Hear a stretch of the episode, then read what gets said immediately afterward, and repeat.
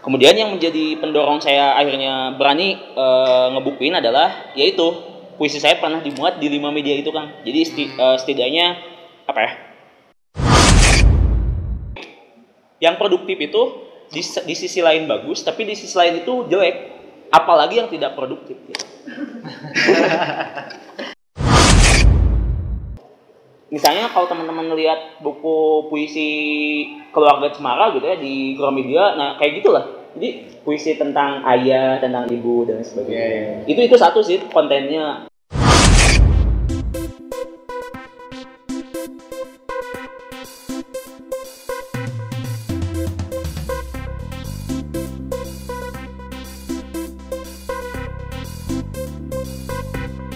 Assalamualaikum warahmatullahi wabarakatuh. Balik lagi sama saya Irfan di podcast teman duduk. Em, kali ini saya nggak rekaman secara khusus buat episode 12, tapi nguploadin eh, talk show, semacam talk show gitulah, bincang-bincang tentang buku Abadi Telapak Kaki yang diadain sama UKM Kepenulisan Islam Al-Qalam UPI beberapa waktu lalu. Saya kira eh, perbincangan ini eh, mudah-mudahan sih bisa bermanfaat ya ketika di upload di podcast saya. Eh, selamat mendengarkan podcast ini. Mudah-mudahan ada ada yang bisa teman-teman ambil dari perbincangan tentang eh, buku karya saya. Dari non fiksi terus tiba-tiba kayaknya bakal puisi lagi nih gitu. Justru sebenarnya saya eh, awalnya dari fiksi kan, Dari fiksi. dari puisi awalnya kan. Kemudian saya sempat ikutan alkolam, meskipun gak beres. Waktu itu motifnya emang saya pengen bisa nulis gitu. Gak tahu kalau misalnya alkolam itu sebenarnya menuntut organisasi kan. Nah saya males. Saya ikut organisasi di awalnya, dan itu syaratnya adalah bikin cerpen kan. Ya. Nah saya bikin cerpen yang pertama kali, dan itu saya gak tahu ya cerpen atau bukan gitu ya. Malu lah kalau saya ini ceritain gitu ya isinya apa. Kemudian yang kedua, nah justru saya tuh cerpen yang kedua itu tuh juara tiga di eh, tutorial award gitu. Ah iya. Nah justru dari sanalah titik balik saya kemudian serius menulis gitu. Hmm, Dan saya tidak membatasi kan mau puisi, mau cerpen, mau esai saya garap semuanya gitu. iya. Tapi kemudian ternyata nulis esai itu lebih gampang daripada nulis cerpen. Ya udah saya nulis esai gitu. Nulis esai terus dan sebagainya. Nah, baru 2017 saya serius lagi ke puisi gitu. Hmm. Gitu.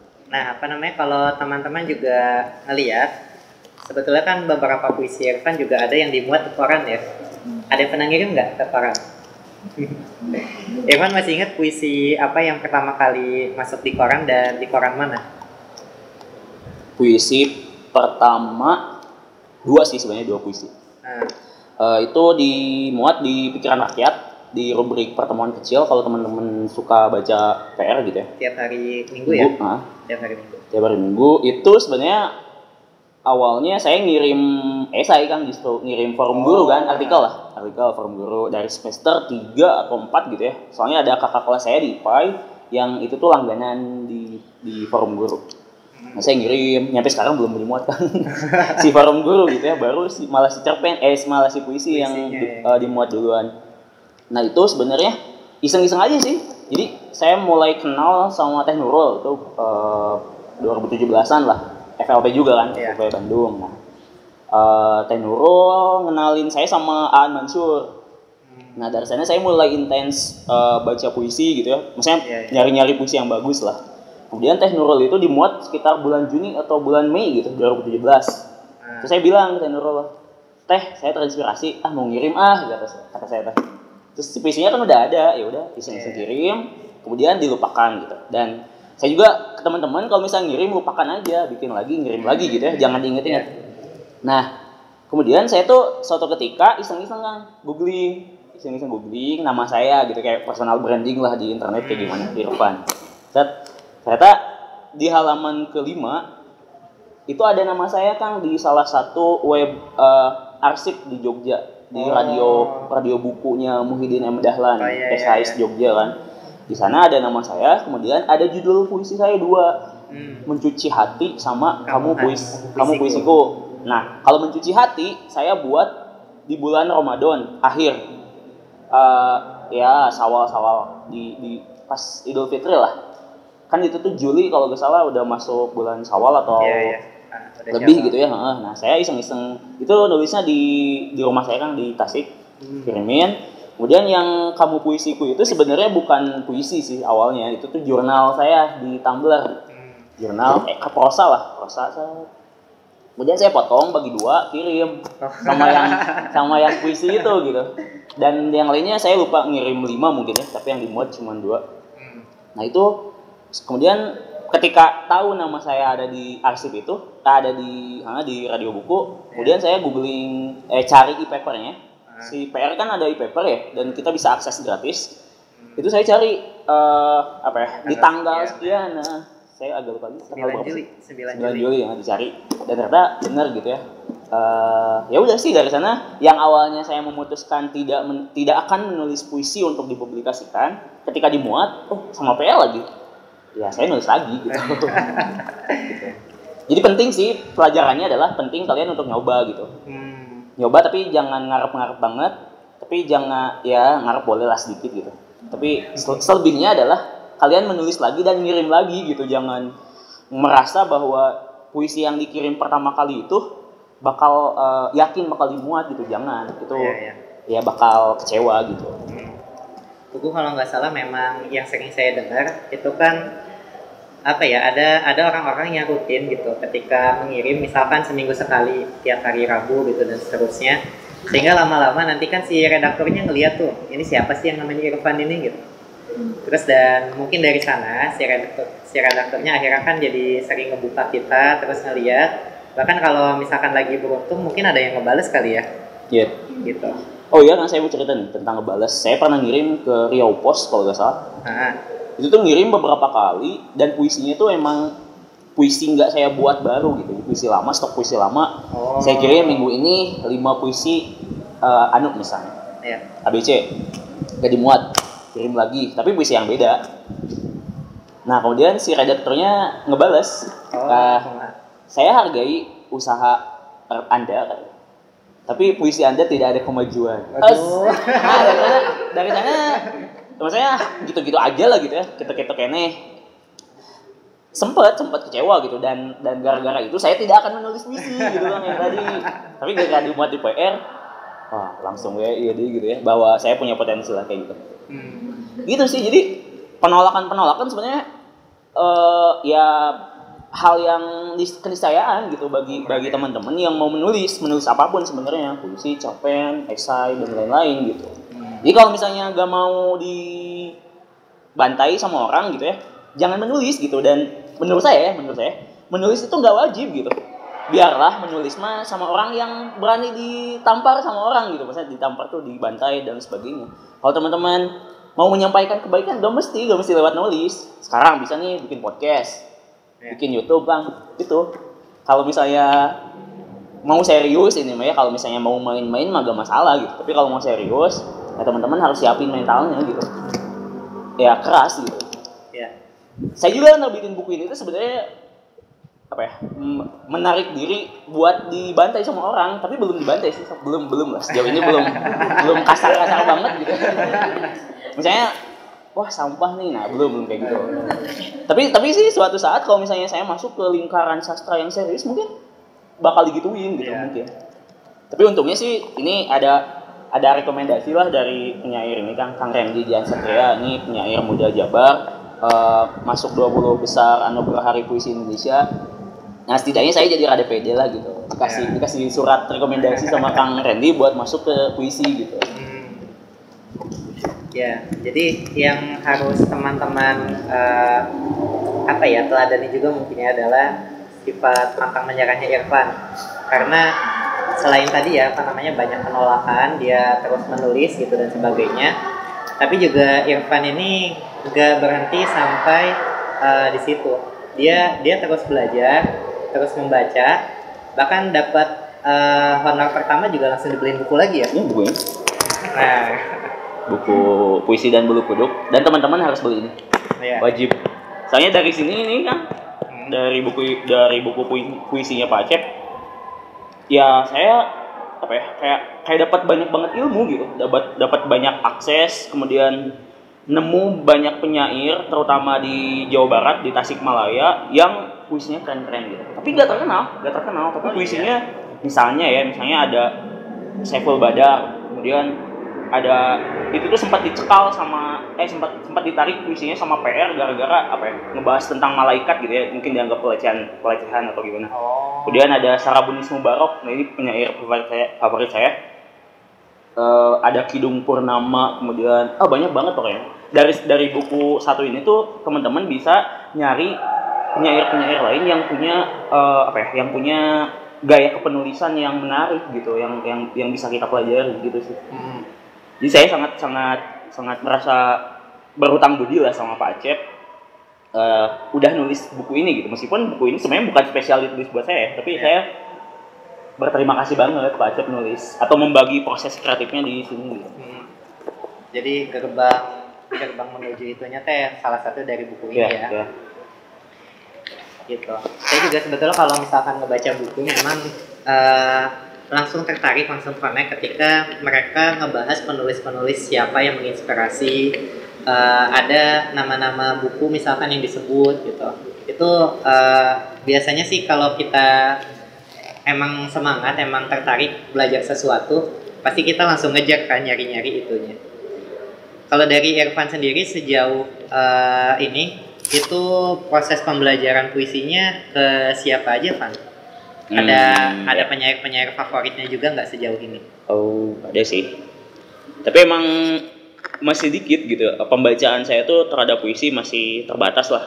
Kan saya baru serius eh, belajar puisi itu 2017 dan itu juga gak ada mentornya gitu. Jadi saya beli buku aja. Otodidak ya. Nah, tapi yang paling berjasa eh, sebagaimana saya sebutin tadi, Acep, Cep Zamnur, eh, penyair Cipasung, Singaparna nanti saya bacain ya puisinya. Kemudian Aan Mansur, Aan Mansur, eh, saya belajar banyak dari Aan itu soal eh, apa ya? Selain kata-katanya gitu ya, eh, dia tuh sederhana tapi rumit gitu. Hmm, Maksudnya kata diksinya tuh sederhana, tapi pikirannya rumit gitu. Dan memang kata Aan juga ya Aan itu eh apa ya? Ya pokoknya dia rumit gitu, sesederhana itu kan di mediumnya kayak gitu. Saya Nah. adalah orang yang rumit, sesederhana itu. Nah gitu. Katanya Kemudian gitu. selain belajar puisinya juga, Aan itu nggak fokus, nggak cuman fokus sama kata-katanya gitu, tapi dia bekerja untuk masyarakatnya dengan cara dia jadi pustakawan kan di Ya. kata kerja di Makassar. Nah itu saya suka banget sama penyair yang dia tuh nggak nggak berfokus pada, pada kata-katanya doang, tapi kerja gitu kan. Hmm, Karena memang eh, tugas penulis pada umumnya gitu ya. Jadi menulis itu kalian jangan bangga lah. Jangan bang jangan bangga eh, hanya pa- hanya karena ke- kalian udah nerbitin buku atau udah nulis gitu. Karena nulis itu saya baca di salah satu esais muda gitu ya dari Bandung. eh ya tulisan itu tuh hanya awal gitu. Setel- Setelahnya setelahnya itu adalah kalian bikin atau merealisasikan gagasan di di tulisan itu gitu kayak gitu itu dua Aan kemudian eh Sapardi juga kan Sapardi hmm, kemudian saya sih banyak belajar juga dari penyair-penyair Madura. Hmm, penyair-penyair Madura kenapa saya ngefans? Misalnya ya misalnya Z- Kiai Zawawi Zawawi Imron itu di di Madura gitu ya. Kemudian Abdul Hadi WM Abdul Hadi. ya. Abdul Hadi WM dua puisi yang saya ingat itu apa sih? Cinta bisa dicari ya sama teman-teman cinta saya bacain di Instastory sih tadi, tadi gitu ya bisa di bisa didengerin. Kemudian sama apa sih Tuhan pokoknya Tuhan itu dekat lah gitu Ya, ibaratnya. Ya, ya, Tuhan itu itu sufi, dekat ada. sufistik itu eh sufistik banget gitu. Dan saya kenapa misalnya relate sama Acep sama Sarabunis Mubarok kemudian sama puisi-puisi atau penyair-penyair yang bikin puisi agak-agak transenden gitu ya. Karena memang saya back backgroundnya pesantren gitu ya sempat pesantren lah tiga tahun. Hmm, kemudian di IPAI juga nah minat sama hal-hal yang berbau spiritual gitu hmm, Makanya teman-teman ketika baca buku saya di bab awal itu ya isinya tentang bermain-main dengan kematian gitu ya. Iya. Entah kenapa kan saya tuh tiba-tiba eh maksudnya akhir-akhir ini tuh saya takut gitu mati tapi apa ya? saya saya ingin men- mengolah tema-tema kematian itu untuk gak gak jangan ditakuti gitu tapi Hmm. Dipermainkan gitu sih Iya, di- iya. si, si kematian tuh. Meskipun saya juga takut sih sebenarnya. Kayak Hairil kan, Hairil eh apa ya? Dia tuh adalah sajak tentang kematian dan dia mati gitu ya 27 tahun. Nah, saya udah udah seusia Hairil kan takut gitu ya. Bisa di bonusan cuma setahun tapi ya ya gak apa-apa lah gitu ya walau walau kalau misalnya udah takdirnya mah setidaknya saya udah nerbitin satu buku sebelum meninggal. Gitu. Eh, itulah. Kayaknya nanti harus dibaca di di di bab-bab awal buku saya itu awalnya saya taruh puisi-puisi cinta yang personal gitu ya. Puisi cinta anak-anak muda gitu biasalah kerinduan kayak gitu kayak gitu. Tapi setelah saya baca-baca ulang gitu ya saya tuh getek gitu dengan tema-tema kayak gitu deh asli. Tapi kalau dibuang jadi jadi tipis gitu ya bukunya. Ya udahlah dimasukin tapi di bab tiga gitu. Makanya di bab awal itu di bab awal itu saya ya udah sok-sokan sofistik gitu ya sok-sokan apa ya bijak gitu. Gitu. Nah, jadi eh, informasi juga, buku ini kan dibagi ke tiga bagian. Yang pertama itu eh, te- tema utamanya ayat-ayat suci.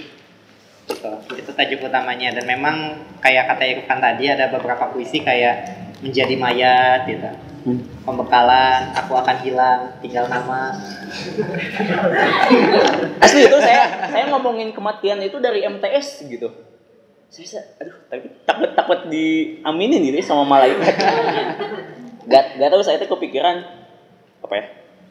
Eh ya bakal mati muda gitu kan pas dulu MTS gitu. Tapi alhamdulillah bisa sekarang bisa S2 gitu alhamdulillah dikasih banyak bonus lah. Tapi tapi saya saya saya apa ya? Ini mah bukan bukan sebuah fakta gitu ya.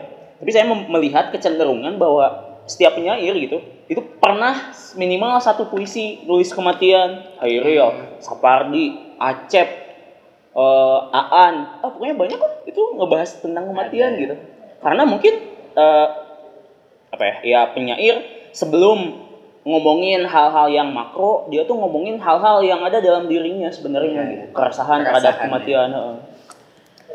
Atau Acep misalnya di puisi yang awal tuh tamparalah mukaku gitu ya atau Hmm. jalan menuju rumahmu ya itu Iya, iya. kerinduan banget gitu pada sok- sosok yang yang apa ya kalau bahasa filsafatnya mah kata Plato gitu ya agaton jadi yang maha baik gitu ya yang maha besar Allah lah ya Tuhan gitu ya Iya, iya.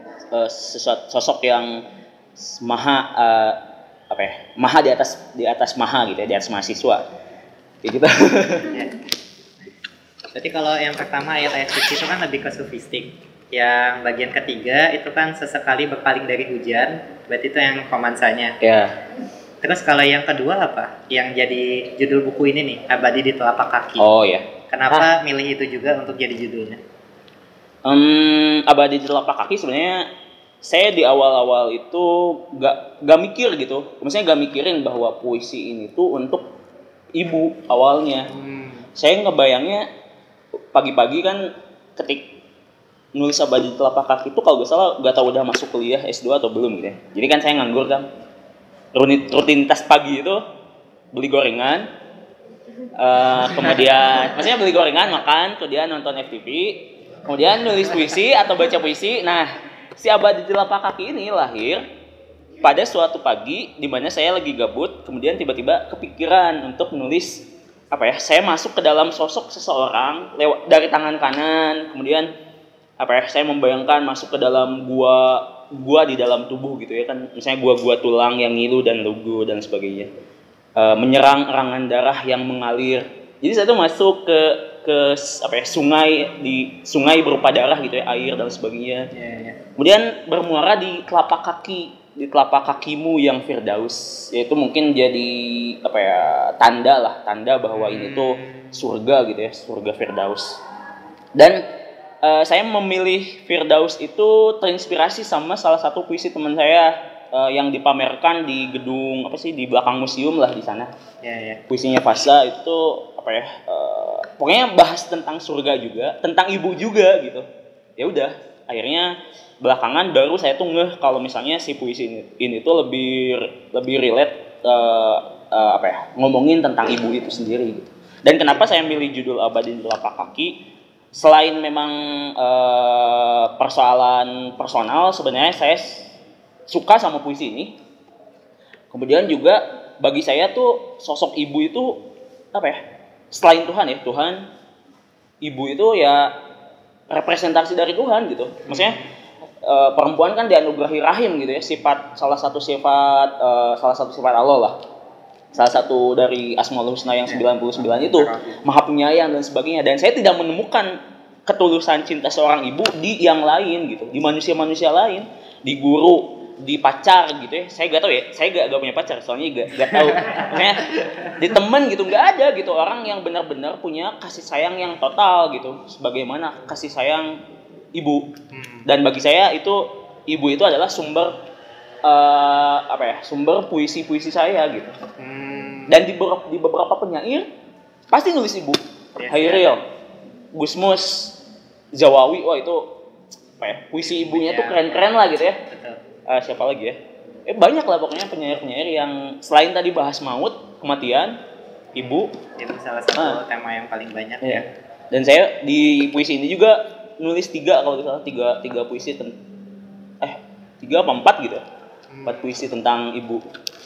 Karena ya itu dan saya nulisnya di Bandung kan bukan di rumah gitu. Karena justru mungkin kalau di rumah sering ket- ketemu ya biasa agak rindu gitu. Tapi ketika di Bandung nah di sana apalagi kalau misalnya saya S2 di di luar negeri misalnya itu puisi ibunya bakal pasti lebih banyak gitu Iya. karena rindu gitu. Kan saya misalnya di rumah tuh mah pencetan gitu ya. Jadi saya lagi nonton TV emang pencetan. Tapi maksudnya bukan nyuruh gimana tapi eh, apa ya kayak minta tapi permintaan manja lah gitu. Manja seorang anak pada ibunya. Kemudian nanti gantian mama saya dipencetan sama saya gitu dipijit.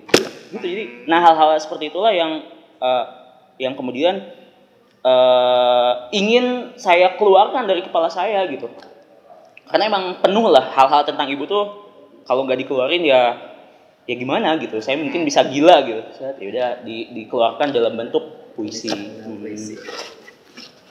Iya ya. Jadi eh, teman-teman juga mungkin bisa apa ya? Bisa kita katakan kalau untuk nulis puisi itu kan ada beberapa tahap ya. Katakanlah kalau yang awal-awal mulai nulis puisi itu kan biasanya masih puisi-puisi kamar. Jadi puisi-puisi curhat gitu galau gitu kan. Di sini ada yang masih nulis status galau. ya nggak apa-apa sih kalau galaunya kayak Fix Besari kan jadi produktif. Hmm. saya juga dulu kan dari galau Iya. tapi saya sudah melal- melampaui galau-galau masa remaja gitu Hmm, menurut saya ya makanya belakangan saya nulis misalnya tentang Bandung Ya. itu keresahan saya ternyata di Bandung itu banyak tunawisma Hmm. banyak orang yang banyak tukang beca yang tidur di becanya. Iya, iya. banyak yang nggak punya rumah tidur di emperan toko gitu. Kenapa saya bisa tahu? Saya ikutan berbagi nasi. Oh. komunitas ber- eh, eh, berbagi nasi. Mengalami, mengalami itu menyaksikan langsung gitu. Ya. Bandung siang hari wah keren banget gitu ya. Faris Panjapa banyak orang yang main dari Jakarta. Ternyata di malam hari banyak orang yang terlantar juga gitu. Jadi eh, jomplang banget lah ya. nah hal-hal seperti itu sebenarnya yang jadi modal atau menjadi jadi bahan bakar puisi gitu Hmm. bagi penyair bagi saya Tapi emang sih kalau nggak salah eh, penyair itu adalah salah satu penulis yang paling peka kan ya, karena dia mulai dari berangkat dari hal-hal yang kecil, Yep. kemudian itu dikembangkan lagi dan mungkin Irfan juga udah mulai masuk ke ranah keresahan. Jadi semua penulis kan pasti punya keresahan dan keresahan itulah yang nanti diolah. Ada yang diolahnya mungkin biasa aja malah jadi aneh kayak anak-anak alay yang galau itu. Tapi ada juga yang itu keresahan-keresahannya dibingkai sehingga jadi lebih puitis gitu kan. Dan Irfan sendiri juga ngerasa ya sekarang tema-tema yang ditulis lebih global gitu misalkan ya lebih universal universal itu sampai sampai titik itu menurut Irfan gimana? baca sih kan baca tiap hari. Jadi mau gak mau sih kalau misalnya kalian memutuskan ingin menul ingin menjadi penulis saya gak ingin jadi menu eh saya, kalau saya ya kalau saya gak, gak ingin jadi penulis cita-cita saya ya penulis mah bukan jadi cita-cita lah hobi aja gitu. Hmm. menurut saya ya menulis gak apa ya gak mesti jadi sebuah aktivitas yang dibesar-besarkan. Yang nulis kayak makan aja kayak makan kayak buang air gitu ya ya biasa aja gitu Kal- kalau bagi saya nah eh eh tadi tadi Oh bisa bisa ini ya. Ya pokoknya tiap hari baca aja. Jadi ketika misalnya teman-teman baca dan bacanya ya hal-hal yang jangan tentang uh, keresahan yang asmara gitu ya anak-anak muda. Saya saya tetap baca sih, tapi saya gak publikasikan di Instagram. Bagi saya itu hina gitu. Bagi saya saya mau mempublikasikan yang kayak gitu teh udah udah lewat gitu masa saya tuh. Nah sekarang ya udah udah udah agak tua gitu ya. Jadi ngomonginnya tuh ya hal-hal yang agak makro gitu tentang uh, tadi misalnya tentang keresahan terhadap kota. Uh. oh ternyata kota itu enggak se apa ya banyak ternyata uh, pos-pos di kota gitu ya yang yang masih harus kita uh, apa ya yang harus kita perhatikan gitu untuk kita carikan solusinya. Nah itu tuh uh, kecenderungan saya tuh lagi ke sana gitu kan hmm. lagi ke sana ya. terus kalau ini sebelum ke tanya jawab dulu Irfan sampai memutuskan menerbitkan buku kayak gimana kan maksudnya kan hmm. pasti kita ada apa ya rasa-rasa ragu gitu ya aduh terbitin gak ya terbitin gak ya dan itu juga teman-teman kan bisa lihat nanti di pengantar buku ini ya melawan kebimbangan nah itu bisa diceritain juga kan uh, oke okay. jadi uh, mungkin orang-orang memutuskan nulis buku itu ada yang memang tulisannya udah jadi kemudian dibukukan Kemudian ada juga tipe yang kedua adalah dia mau bikin buku gitu. Hmm. Jadi yang mau bikin buku berarti dia bikin outline dari awal dong. Yeah. Dia mau ngomongin apa dan sebagainya. Nah kalau saya tipe yang pertama tadi, jadi tulisannya udah banyak, puisinya udah banyak. Beberapa uh, adalah mungkin lima lima media cetak yang pernah uh, atau puisi saya pernah dimuat di lima itu di pertama itu PR, kemudian yang kedua media Indonesia, hmm Kemudian di radar Cirebon, radar Tasik, Lampung Pos uh, itu lima. Nah, kemudian yang menjadi pendorong saya akhirnya berani uh, ngebukuin adalah yaitu puisi saya pernah dimuat di lima media itu kan. Jadi seti, uh, setidaknya apa ya? Saya tuh berpikir gitu ya, memikirkan lah, memikirkan pembaca saya jangan sampai terdolimi dengan buku yang saya keluarkan gitu jadi ketika ketika udah dimuat di koran kan setidaknya ada legal ada apa ya kayak kayak legalitas lah gitu bahwa Irfan itu menulis layak baca lah gitu. Buktinya dimuat di koran itu gitu. Nah, kemudian akhirnya di akhir 2018 saya tuh kayak ngetes ombak gitu kan di grup WhatsApp. Kan saya niatnya emang mau nerbitin indie ya. Yeah. Ini saya mau nerbitin buku puisi saya mau pada beli ga gitu Nah itu saya data di WhatsApp sama di Instagram adalah sekitar 20 Lumayan lah ya. Lumayan lah ya. Kalau misalnya saya ngeluarin duit sekian juta misalnya Untuk di untuk nerbitin buku ya setidaknya uh, kalau nyetak 50 setengahnya udah udah bi berani kita uh, sorry. Udah pasti kejual gitu ya. Jadi uh, nggak rugi-rugi banget gitu. Nah kemudian uh, akhirnya sebenarnya nggak banyak ya tiga puluhan lah tiga puluhan yang berniat mau beli. Eh bahkan di Instagram tuh saya polling gitu ya. Dua orang kan yang mau beli. Cuma dua orang gitu. Ya emang follower saya agak banyak sih. Uh, kemudian abis itu pertimbangan selanjutnya adalah saya menu saya membukukan buku saya untuk saya sendiri sebenarnya bukan untuk orang lain awalnya. Jadi yang prioritas pertama adalah saya ngebukuin buku saya untuk diri saya kemudian untuk keluarga saya jadi keluarga saya punya kenang-kenangan lah gitu ya. Yeah. Ya. Uh, bahwa Irfan punya buku. Kemudian yang ketiga baru sama pembaca puisi saya yang respon lah gitu ya, yang sering apresiasi uh, puisi saya. Kang suka sama puisi yang ayat-ayat suci misalnya. Hmm. Saya kan sempat dimuat yang ada ayat-ayat suci itu di Radar Cirebon. Kemudian yeah. Ya. uh, ada adik kelas saya penghafal Quran juga di DT gitu ya Kang izin share katanya. Karena mungkin relate sama dia ya. Maksudnya saya tuh kan si ayat-ayat suci itu isinya uh, refleksi saya. Saya selam, maksudnya di IPA kan dua juz ya hafalan. Nah saya udah sempat ngapal dua juz meskipun sekarang lupa lagi. Nah tapi hafalan itu nggak berdampak buat saya gitu. Itu saya refleksikan kemudian jadi puisi dan ternyata itu relate juga sama yang penghafal Al-Quran ya apalagi gitu. Meskipun saya gak niatin gak niatin untuk nyindir siapa pun gitu. Nah kayak gitu. Nah um, akhirnya Oktober itu mulai apa ya mulai eksekusi lah kan mulai ngumpulin draft apa sih mulai bikin draftnya draft puisi. Kemudian saya juga gak mau si buku puisi saya itu asal-asalan banget lah gitu ya. Setidaknya eh, lewat proses yang agak ketat gitu ya meskipun gak ketat-ketat banget karena nerbitin sendiri. Nah kemudian eh, saya minta salah satu kenalan saya di asas gitu ya Kang Zulfa itu untuk ngasih masukan Ah, sama puisi akurasi ini gitu ya. Itu kan waktu itu teh masih masih random banget lah dari puisi tahun paling baru nyampe terlama gitu ya Nah, ada sekitar seratusan puisi gitu.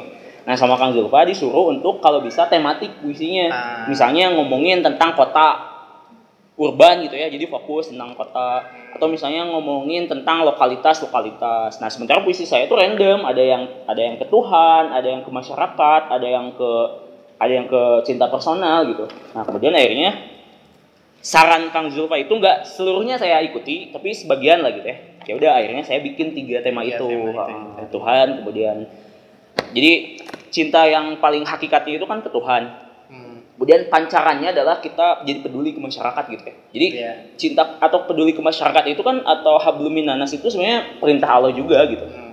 Nah baru yang ketiga ke, ke cinta eh, anak-anak muda lah gitu ya. Eh, gak bisa dipungkiri gitu kalau hal tersebut eh, dirasakan sama saya juga gitu. Hmm. Nah akhirnya eh, nyari-nyari penerbit, kemudian dapat di Jogja yang agak murah, kemudian udah deh eh, Februari terbit. Nah, cetak. Yang awalnya nyetak 50 jadi 100. Dan sekarang tinggal 20-an lagi lah. Bulan lagi. Dan ini jadi tiket banget ya ke mana-mana Benar, sekarang benar, eh, masuk-masuk forum Ah. jadi lebih ini. Bisa dibacain nggak Pan beberapa? Oh, boleh. termasuk yang tadi ya eh, puisinya Pak Acep. Oh ya. Oh ya, sebelum saya baca puisi saya, saya tuh pengen ngapresiasi pengen ngapresiasi salah satu puisi Pak Acep yang bikin saya jadi suka banget sama puisi gitu. Eh, ini judulnya judulnya Cipasung. Di lengkung alis matamu, sawah-sawah menguning. Seperti rambutku, padi-padi semakin merundukkan diri. Dengan ketam, kupanen terus kesabaran hatimu.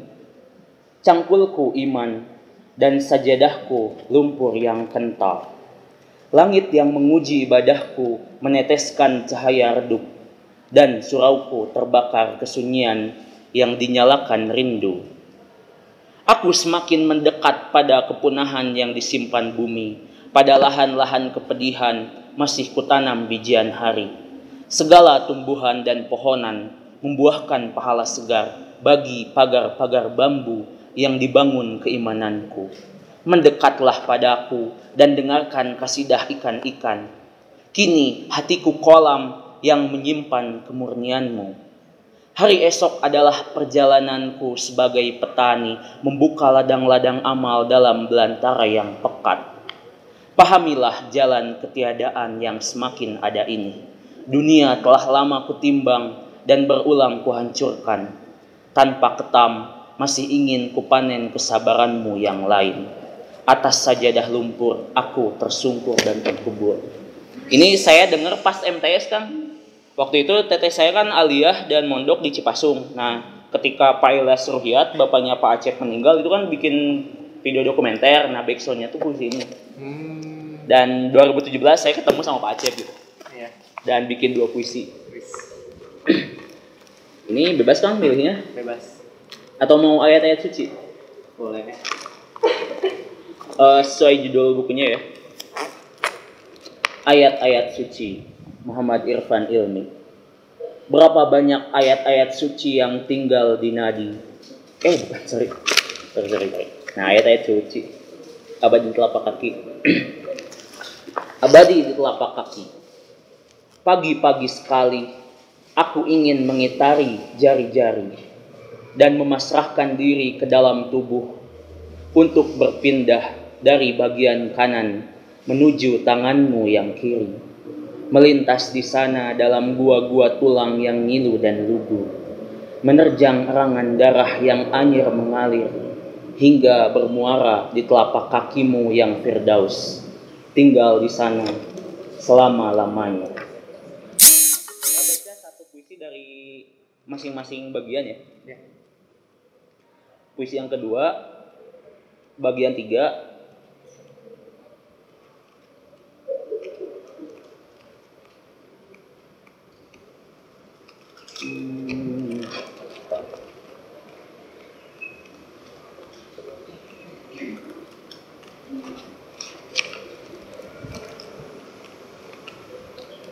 atau puisi yang bagian pertama dulu.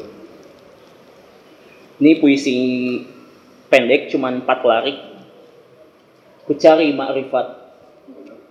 Kususuri terjal aral di dalam diri. Menuju lapang paling hakiki. Kucari jalan ke arah makrifat. Kengalir darahku yang merah pekat. Bumi Siliwangi 2018. Ini saya buat pas lagi dosen kuliah tapi ngebosenin saya nulis puisi dan dimuat di PR ini paling uh, bulan Januari kemarin lah Mai. Tapi lucu sih saya juga punya teman dulu uh, waktu dia lagi SMA. Jadi ada guru bahasa Inggris dia yang katanya ngebosenin. Terus akhirnya dia nyoret-nyoret, uh, bikin-bikin outline. Sekarang jadi novel. Jadi harus berterima kasih sama dosen dan guru yang sedih. Ini puisi ketiga. Sebenarnya sering saya bacain, tapi mungkin mudah-mudahan belum dengerin teman-teman. Kebanyakannya. Sesekali berpaling dari hujan. Langit mending mendung agar kita tak keluar rumah dan banyak obrolan lahir di bawah atap, bertahan dan lama menetap.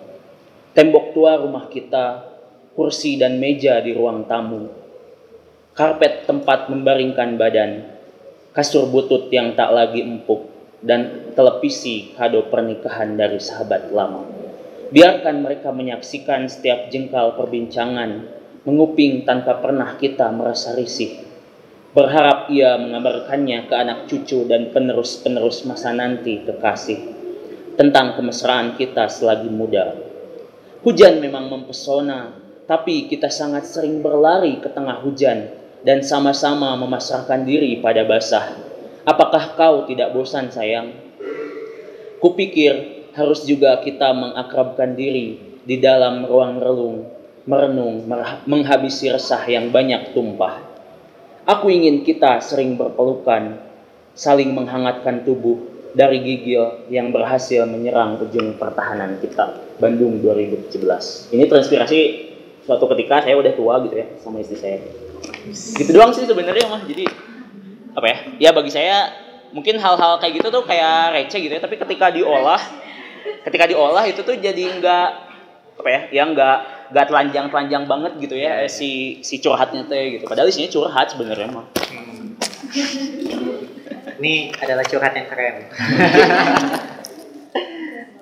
Nah mungkin teman-teman ada yang ingin bertanya dulu? Uh, dibuka untuk tiga orang. Oke, satu, dua. Yang cowok ada yang mau nanya? Oke, tiga. Wah, mantap. Yang di depan dulu, coba namanya siapa dan dari jurusan apa, boleh?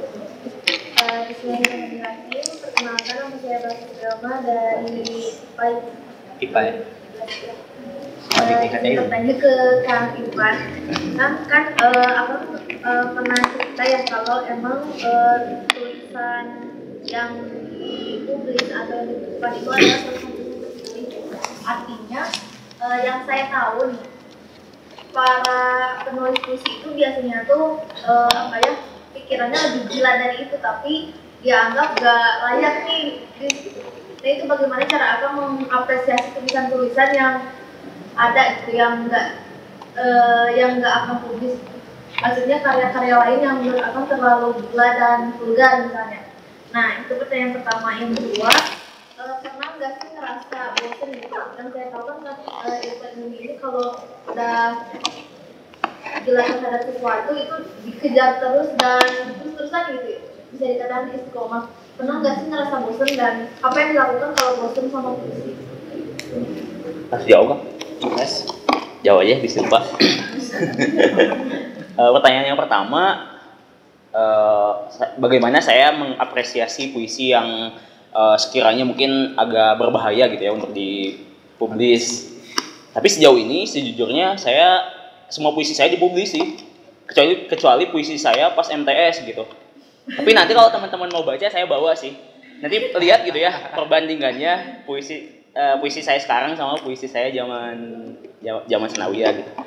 Eh, tapi mungkin kis kalau misalnya kayak gitu sih itu bisa jadi memang si puisinya dikonsumsi sendiri nyampe nanti nyampe kelak gitu ya atau bah, atau mungkin ketika udah di usia tertentu dan merasa bahwa misalnya ya misalnya saya udah udah kayak Gus Dur lah misalnya ya. Gus Dur kan gak peduli gitu sama sama omongan orang ibaratnya kalau kalau kalau misalnya dia ngerasa itu benar ya dia dia omongkan gitu dia tuliskan. Nah mungkin kalau saya udah di titik itu di makom itu ya saya keluarin gitu puisi-puisi saya yang yang agak-agak kontroversial gitu. Tapi sejauh ini sih saya ya masih anak muda lah gitu belum belum belum bikin puisi yang menggemparkan UPI itu belum gitu. Ya kan eh, yang kontroversial gitu.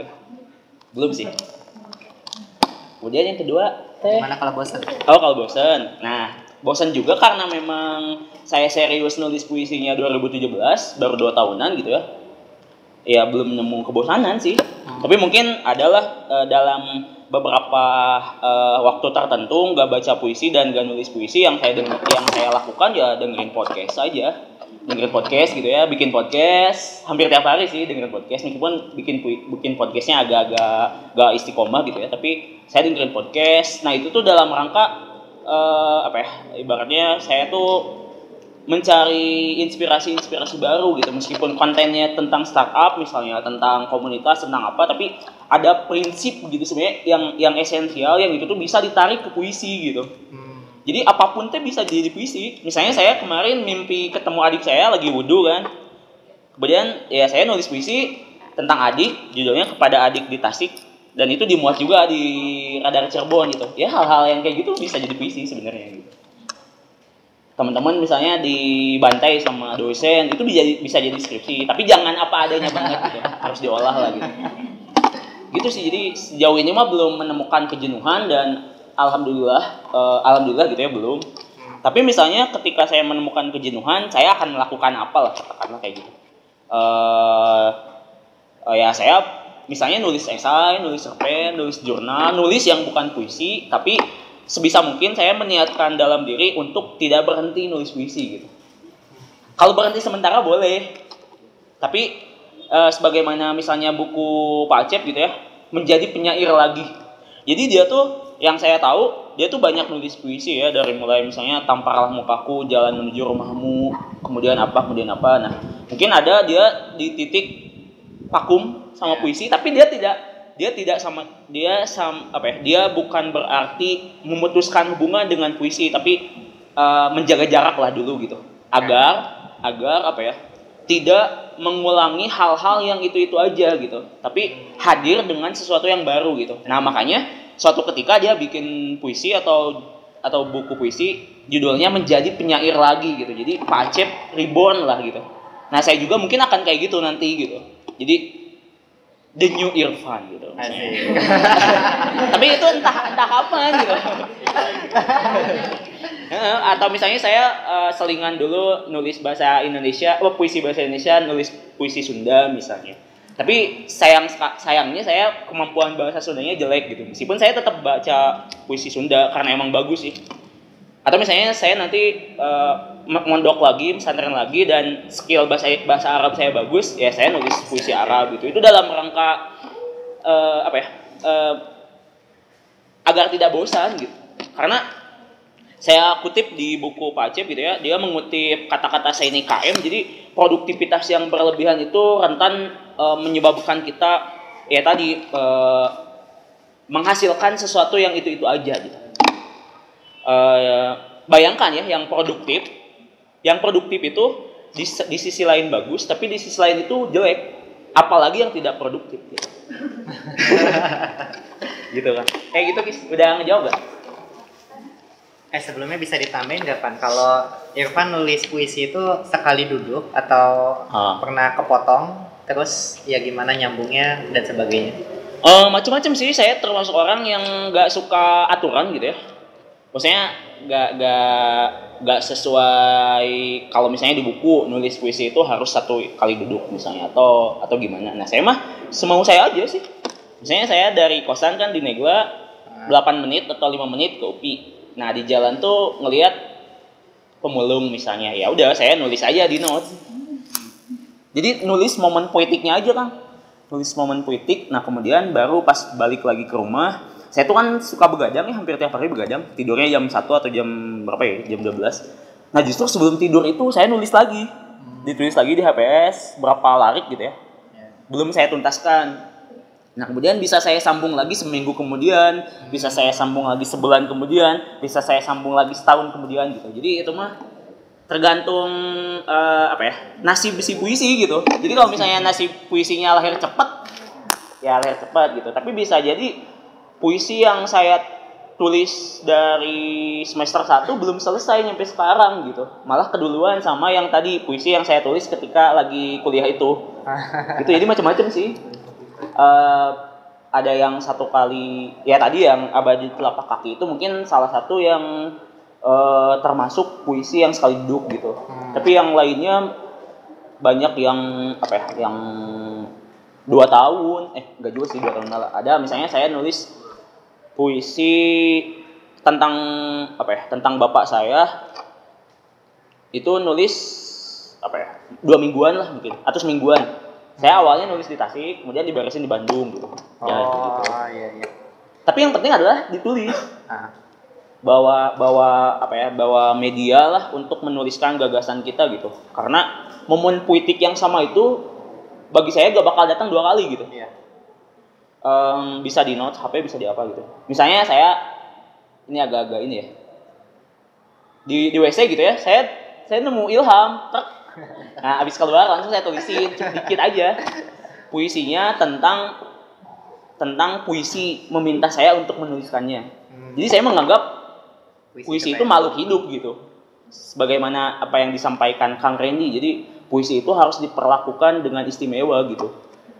Jangan dianggap barang mati, tapi ya itu mah terserah sih teman-teman mau setuju atau enggak gitu. Tapi kalau saya ya puisi membawa saya untuk ke sini gitu Iya wasilah. Maksudnya si si puisinya tuh uh, ibaratnya menarik tangan saya untuk ketika kamu ingin serius lagi dalam mendalami puisi, nih kamu beli buku misalnya buku Hasta Indrana ini. Saya ke ke Kineruku, ya itu gara-gara puisi gitu. Hmm. Kemudian saya di, diundang ke sini ya gara-gara puisi saya kan. Nah, kayak gitu. Oke, siap itu ya jadi teman-teman juga uh, jangan jangan tiba-tiba langsung minder aduh ini puisi nggak jadi-jadi gitu dan sebagainya atau ada yang nasibnya lebih buruk dari itu kok Iya, bahkan uh, beberapa penyair juga dikatakan terbit setahun sekali itu juga termasuk produktif kali ya. Iya. Gitu dan sebagainya bahkan bahkan Ahmad Yuldan Erwin kan dia nerbitin langsung tiga buku puisi itu ada yang 20 tahun ada yang belasan tahun ada yang 8 hmm. tahun gitu. Jadi nah itu yang saya suka dari penyair itu adalah kesabarannya gitu. Yeah. yang sedang saya internalisasikan gitu. Kalau saya kan nulis nulis puisi sekarang langsung diupload di story misalnya. Ya gak apa-apa sih tahapan itu harus saya harus saya lalui gitu kan. Tapi mungkin nanti ketika saya udah berproses terus lagi ya saya bakal perbaiki itu gitu. Nggak langsung uh, sekarang bikin langsung dipublish aja gitu. Ada masa pengendapannya ya? Yeah. biar lebih ini juga lebih masuk. Dan siapa tahu juga ada beberapa karya ya ketika kita keluarkan pas momennya ya itu kan bakal dampaknya lebih besar lagi gitu. Hmm. kayak seksi kila kemarin ya. Ya darah dulu ya. Assalamualaikum wabarakatuh. Waalaikumsalam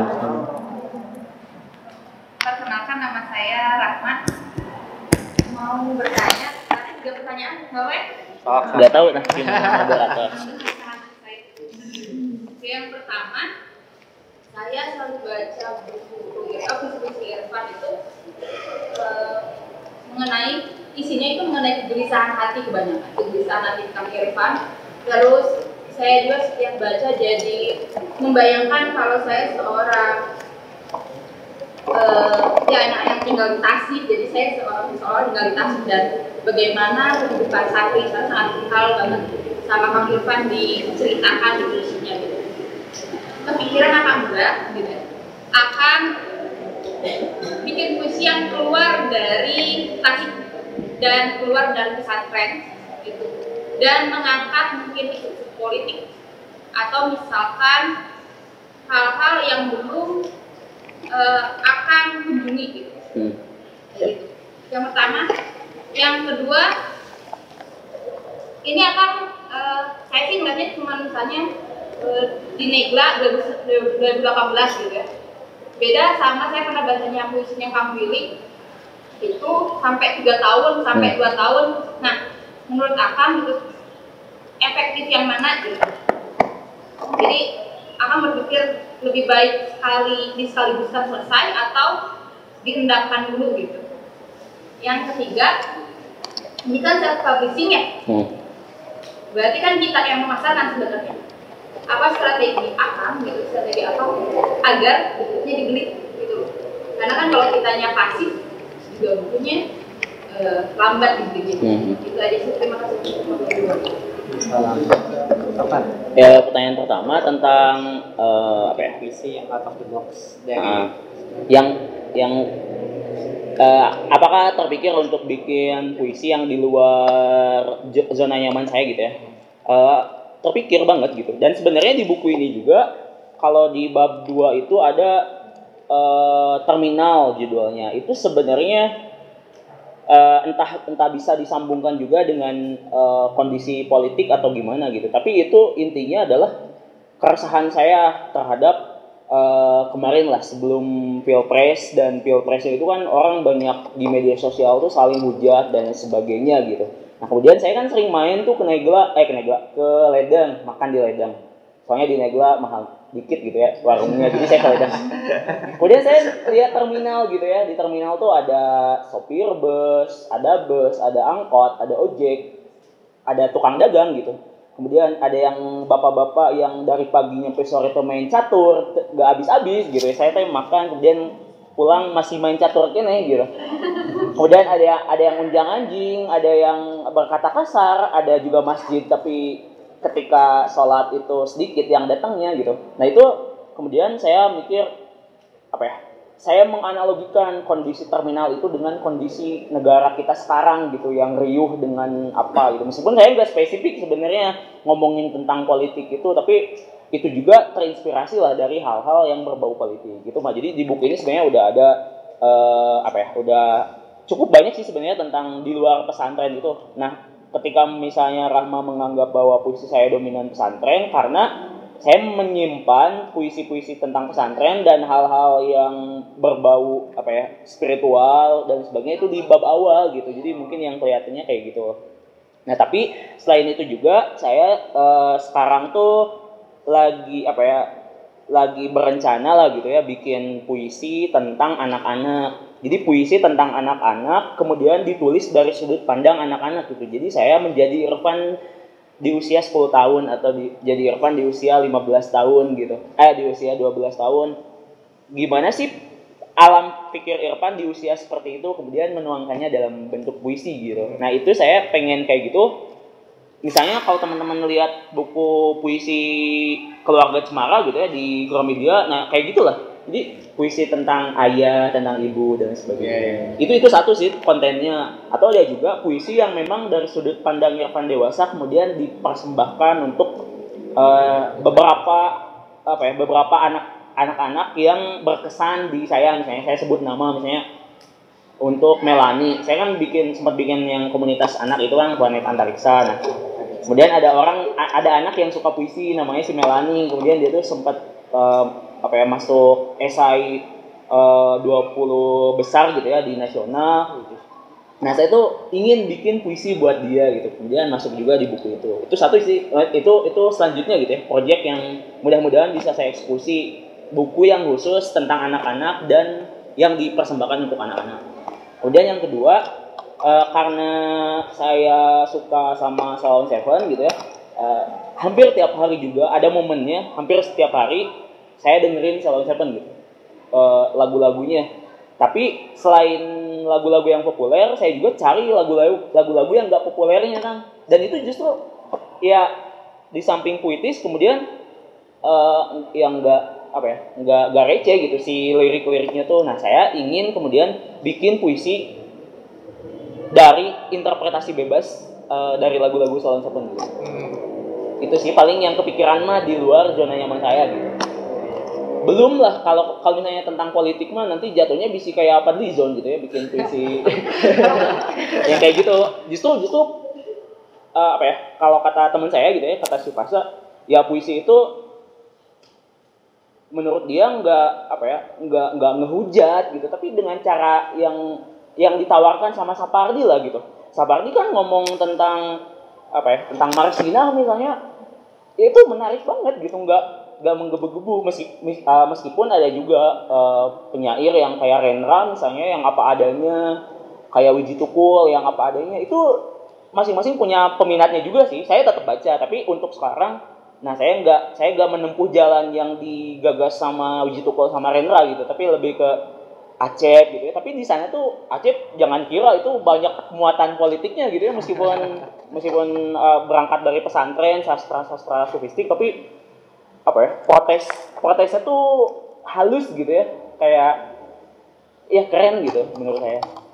Itu sih mak yang pertama. Kemudian yang kedua tuh apa? Akasih mana? oh ya Eh, yang lama atau yang dan Nah, eh, efektif tergantung sih tergantung lihat dari sudut pandang mana gitu ya.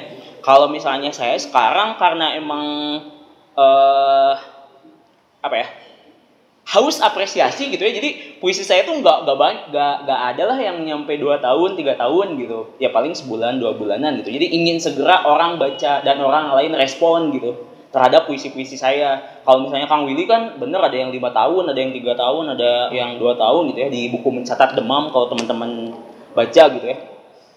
Eh ya tadi sih maksudnya masing-masing penyair itu punya seleranya. Ada yang kayak Kang Willy itu sebenarnya kenapa bukunya cuman isinya berapa ya 26 puisi gitu ya kalau gak salah. Karena mungkin bisa jadi dia gak niat ngeluarin buku bisa jadi gitu. Banyak penyair-penyair yang dia tuh gak penting gitu. Eh, ngeluarin buku tuh gak, ter- gak terlalu penting buat dia gitu. Kayak misalnya Teh Wida Waridah yang bikin puisi apa sih? Eh aduh lupa lagi. Diterbitin sama bahasa basi. Nah dia tuh gak, gak niat terbitin buku kan tapi ditawar didorong sama suaminya untuk ikutan sayembara eh, nulis puisi dari bukan nulis sih kayak ngirimin manuskrip Oh, puisi iya, iya, sama iya. bahasa basi dan ternyata dimuat kan ya kayak gitu. Jadi masing-masing penyair itu pertama punya seleranya kemudian setiap puisi itu punya jalan hidupnya masing-masing gitu. Ada yang ada yang ada yang selesai dalam waktu yang cepat ada juga yang eh, misalnya selesai berapa tahun gitu. Kayak misalnya puisi Sapardi yang Marsinah juga kalau gak salah tiga tahun kalau gak salah karena Pak Sapardi itu merasa bahwa setiap dia eh, sorry dia tuh menulis dalam keadaan marah gitu. Nah bagi bagi Pak Sapardi dia tuh meng, apa ya, menghindari menulis dalam keadaan jatuh cinta dan dalam keadaan marah gitu. Karena dia ingin selalu merevisi puisi tersebut gitu. Karena ketika membaca lagi dia timbul marah lagi marah lagi dan sebagainya. Itu sih. Jadi menurut saya kalau ditanya efektif atau enggak itu tergantung sama penyairnya ya tapi kalau misalnya saya untuk saat ini saya nggak selama itulah gitu nulis paling sebulan lah paling lama gitu gitu yang ketiga juga strategi Irfan. Oh, strategi eh, Mas Harin. Kalau saya sih konvensional aja sih. Eh, saya pasarin yang pertama itu sama adik-adik tingkat saya gitu yang lebih yang yang tahu saya ketimbang teman-teman dari jurusan lain. Ya udah saya tawarin aja. Dan kebetulan saya kan punya komunitas IF itu IFA Inspiring Forum ya. Saya apa ya? target pasar saya yang pertama adalah mereka gitu. Jadi saya share, kemudian ada juga beberapa yang beli. Kemudian di kelas saya share broadcast aja sih sebenarnya nggak nggak nggak personal gitu ya. Kemudian ada juga yang beli. Nah kemudian saya minta untuk di review gitu sih di Instagram dan beberapa beberapa buku memang terjual lewat kayak gitu kan. Jadi. Misalnya ya ada ketua, mantan ketua DPM UPI yang share eh, sorry, yang dia tuh beli buku saya, kemudian dibaca sama temennya, kemudian temennya beli. Oh. Ada yang kayak gitu. Kemudian ada juga teman sekolah saya orang Surabaya, dia posting si bukunya di WhatsApp, kemudian temennya suka puisi beli juga, kayak gitu sih. Dan dalam waktu eh, Maret, April, Mei itu udah apa ya? Ya tinggal dari 100 itu tinggal belasan lagi lah gitu. ya bagi saya itu keberhasilan sih karena emang nggak niat-niat banget publikasinya juga gitu gitu Iya. dan mungkin lewat forum kayak gini juga sih sebenarnya ajang promosi kan Iya. kemudian sama Kang Agi di diundang ke MQ waktu itu itu promosi juga gitu Ya, jadi eh, sebetulnya balik lagi sih ya. Kalau masalah pemasaran mah tiap orang juga ada strateginya masing-masing. Kayak eh, yang saya kenal si Firsa Besari dengan ada sohibnya namanya Jalu Kancana. Hmm. Ada pernah dengar nggak? Kalau Firsa dia dia itu waktu itu pernah diwawancara. Jadi dia ngomongnya kayak gini. Kenapa buku pertama yang dia terbitin di media kita itu adalah Garis Waktu? Karena dari semua karya dia itu yang paling baper. Jadi dia dia pikir eh, mau nyitain pasarnya dulu. Hmm. Pasarnya udah ada, baru dia keluarin pelan-pelan buku-buku yang sebetulnya muatan-muatan ideologinya lebih tinggi. Ada hal-hal yang lebih berat, ada hal-hal yang pengen dia bahas lebih lanjut, itu baru di buku-buku terakhir-terakhir dia. Gitu. Tapi kalau Kang Jalu Kancana, dia ini kan emang tema-tema buku yang dia terbitin itu berat-berat. Yang paling baru ini kan ngomongin konservasi alam. Jadi masalah penurunan status dari cagar alam ke wisata itu kan eh, banyak pihak yang menentang gitu dan sebagainya. Nah bagi dia karena itu adalah hal yang penting dan pengen langsung disampaikan, ya udah dia bikin karyanya, terus dia cetak indie. Bahkan itu jualnya gerilya. Dia awalnya cuma modal 50.000 ribu. Terus eh, dia nyetak buku itu keluar modal 35.000 ribu. Dia jual harganya 60.000 ribu. Jadi dia dapat untung berapa? Ini dia dapat untung 25 dari 50 ribu dia jadi 70 70 dia bisa nyetak dua buku dari dua buku nanti dia bisa nyetak tiga buku dari tiga ke empat dan seterusnya sampai akhirnya eh, nggak terasa ba- dalam berapa bulan buku itu udah cetak sampai 1000 eksemplar lebih. Dari hasil kayak gitu nyicil-nyicil satu satu satu gitu karena dia kan POD sampai sekarang bukunya eh, dipinang lagi sama Mojok. Hmm. gitu dan apa namanya bentar lagi ada di toko buku. Kayak gitu. Jadi balik lagi ke teman-teman semua. Eh, nanti apa kapan memutuskan untuk menerbitkan buku dan sebagainya ya tiap naskah bakal ketemu penerbitnya lah ya. Dan tiap buku insya Allah ketemu pembaca Hmm.